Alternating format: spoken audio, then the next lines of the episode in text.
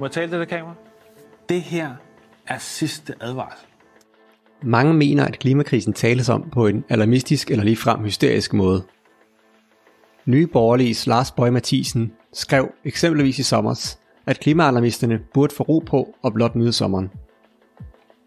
Den holdning deles af et stort mindretal af danskere. Efter klimavalget i 2019 var hver tredje enige i udsagnet, at klimahysteriet er gået over gevind. Men hvorfor taler klimaaktivister og forskere alarmerende som de gør? Hvor slemme kan klimaforandringerne egentlig være i værste tilfælde? Hvorfor slår alarm og hvad er på spil? FN's formand, Antonio Guterres, har i år sagt om verdenssamfundet. Humanity has a choice cooperate or perish. It is either a climate solidarity pact or a collective suicide pact. Ordlyden vækker genklang til den kolde krigs advarsler om atomvinter og global kollaps. Enten så skulle verdenssamfundet komme til en enighed, eller også ville den globale civilisation gå til en ende. And now the bomb, the marvel and the horror of our time is exploded.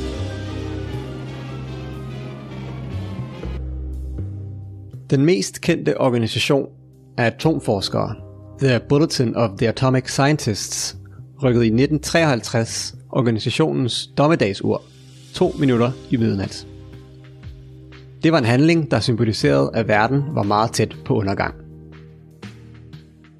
De skrev i et medfølgende notat, at civilisationens overlevelse afhænger af, om verdens ledere er rationelle nok til at holde sig for at bruge atomvåben.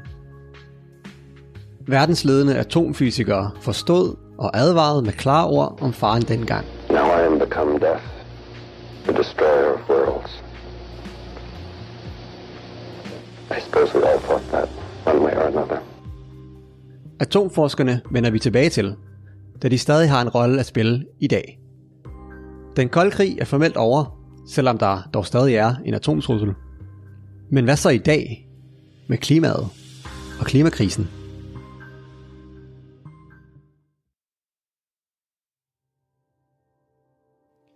Selvom der ofte tales om katastrofale og ødelæggende klimaforandringer, så har forskningen ikke vidst præcis, hvor katastrofale de kunne være. Ifølge en ny artikel fra 2022, så skyldes det, at forskningen mest har handlet om, hvilke ødelæggelser en mindre global temperaturstigning på mellem 1-2 grader vil medføre. Kun få forskere har kastet sig ind i, hvad for eksempel en 3-4 graders opvarmning betyder.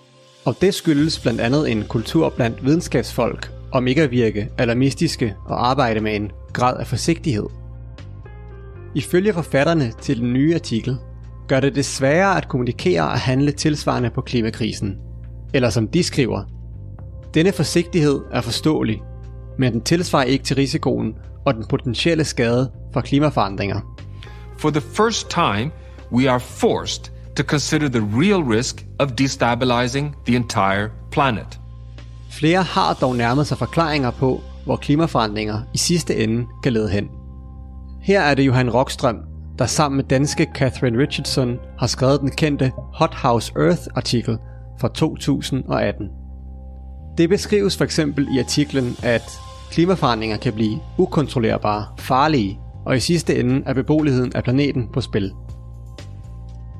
Det er en konklusion, der især begrundes i, at man nu har kortlagt, hvordan jordens klimasystemer er sat sammen, og hvordan bare en mindre temperaturøgning kan vælte den skrøbelige balance. For eksempel, så kan den menneskeskabte opvarmning vælte balancen ved Arktis, så havisen der smelter, og det vil så derefter bidrage til yderligere global opvarmning. Det er derfor, at det ses som altafgørende, at verdenssamfundet holder den globale temperaturstigning så lav som muligt. Sådan har verdenssamfundet nemlig den bedste chance for at klimaet ikke løber løbsk ved at de særlige tipping points udløses.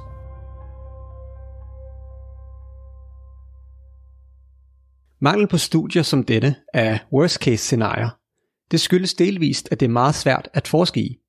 Men man bør stadig gøre forsøget, mener forskere bag den nye artikel Climate Endgame. Det manglende fokus på worst case scenarier har nemlig den konsekvens, at politikere bliver udsat for en systematisk underdrivelse af hvad der egentlig er på spil, skriver de. Forfatterne til artiklen opfordrer derfor FN's klimapanel IPCC til at ændre sine metoder frem mod næste store klimarapport. Studiet af katastrofale klimascenarier kalder forfatterne for Climate Endgame, eller klimaets slutspil på dansk. Forfatterne beskriver, at klimaets slutspil kommer som fire ryttere.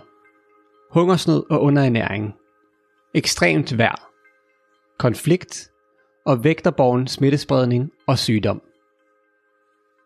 I det meste af verden vil produktionen af de største og vigtigste afgrøder som hvede, ris, majs og soja falde som følge af klimaforandringer. Det vil føre til hungersnød i allerede pressede lande. Med klimaforandringer vil vi også se stærkere storme og ekstremt vejr. Den varmere temperatur i havet vil eksempelvis kunne give ekstra energi til orkaner. En mere energiholdig atmosfære vil skabe et mere ekstremt klima. Oversvømmelser som dem vi så i Pakistan i 2022 vil også ske oftere. Med klimaforandringer vil den politiske situation i og mellem lande blive endnu mere anspændt og skabe øget risiko for krig og konflikt. Det kan blandt andet blive forårsaget af ressourceknaphed og den før nævnte risiko for hungersnød. Og her spiller atomvåben igen en risiko, da en ressourcekrig kan udvikle sig til en atomkrig. Og til sidst så vil klimaforandringer ændre betingelserne for spredning af sygdomme. Det skyldes, at smittebærere som myg nu kan sprede sig til nye levesteder. Og det betyder så, at vi i højere grad vil kunne se infektioner og død hos mennesker. De fire ryttere bidrager altså hver især til en stigende risiko for massedødelighed på jorden. Med hvert ekstra ton CO2 i atmosfæren nærmer vi os slutspillet, selvom vi ikke ved præcis hvornår det aktiveres. Det er en af de primære grunde til, at det er så vigtigt at holde sig til maksimalt 1,5 graders opvarmning af atmosfæren. Ellers kan vi hurtigt risikere at bevæge os ind i klimaets slutspil. Eller som forfatterne til Climate Endgame-artiklen selv konkluderer, der er rigeligt med beviser for, at klimaforandringer kan blive katastrofale. Vi kunne gå ind i slutspillet gennem selv en beskeden mængde global opvarmning. At forstå disse ekstreme risici er vigtigt for solid beslutningstagning.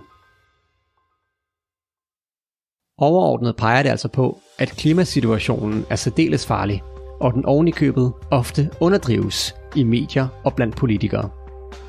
Men her til sidst vender vi lige tilbage til atomforskerne, der holdte nøje øje med truslen om atomkrig. Deres organisation eksisterer stadig i dag, og i 2018 rykkede de dommedagsuret frem til 2 minutter i midnat. Samme sted som i 1953. Men i dag beskriver de atomkrise og klimakrise side om side. Man-made existential threats such as nuclear war, climate change, and those from disruptive technologies. Urets visere står i dag ved 1 minut og 40 sekunder i midnat. Tættere på midnat end nogensinde før. Tættere end ved den kolde krigs højde. Kunne du lide vores gennemgang, så synes vi, at du skulle dele og sætte en kommentar.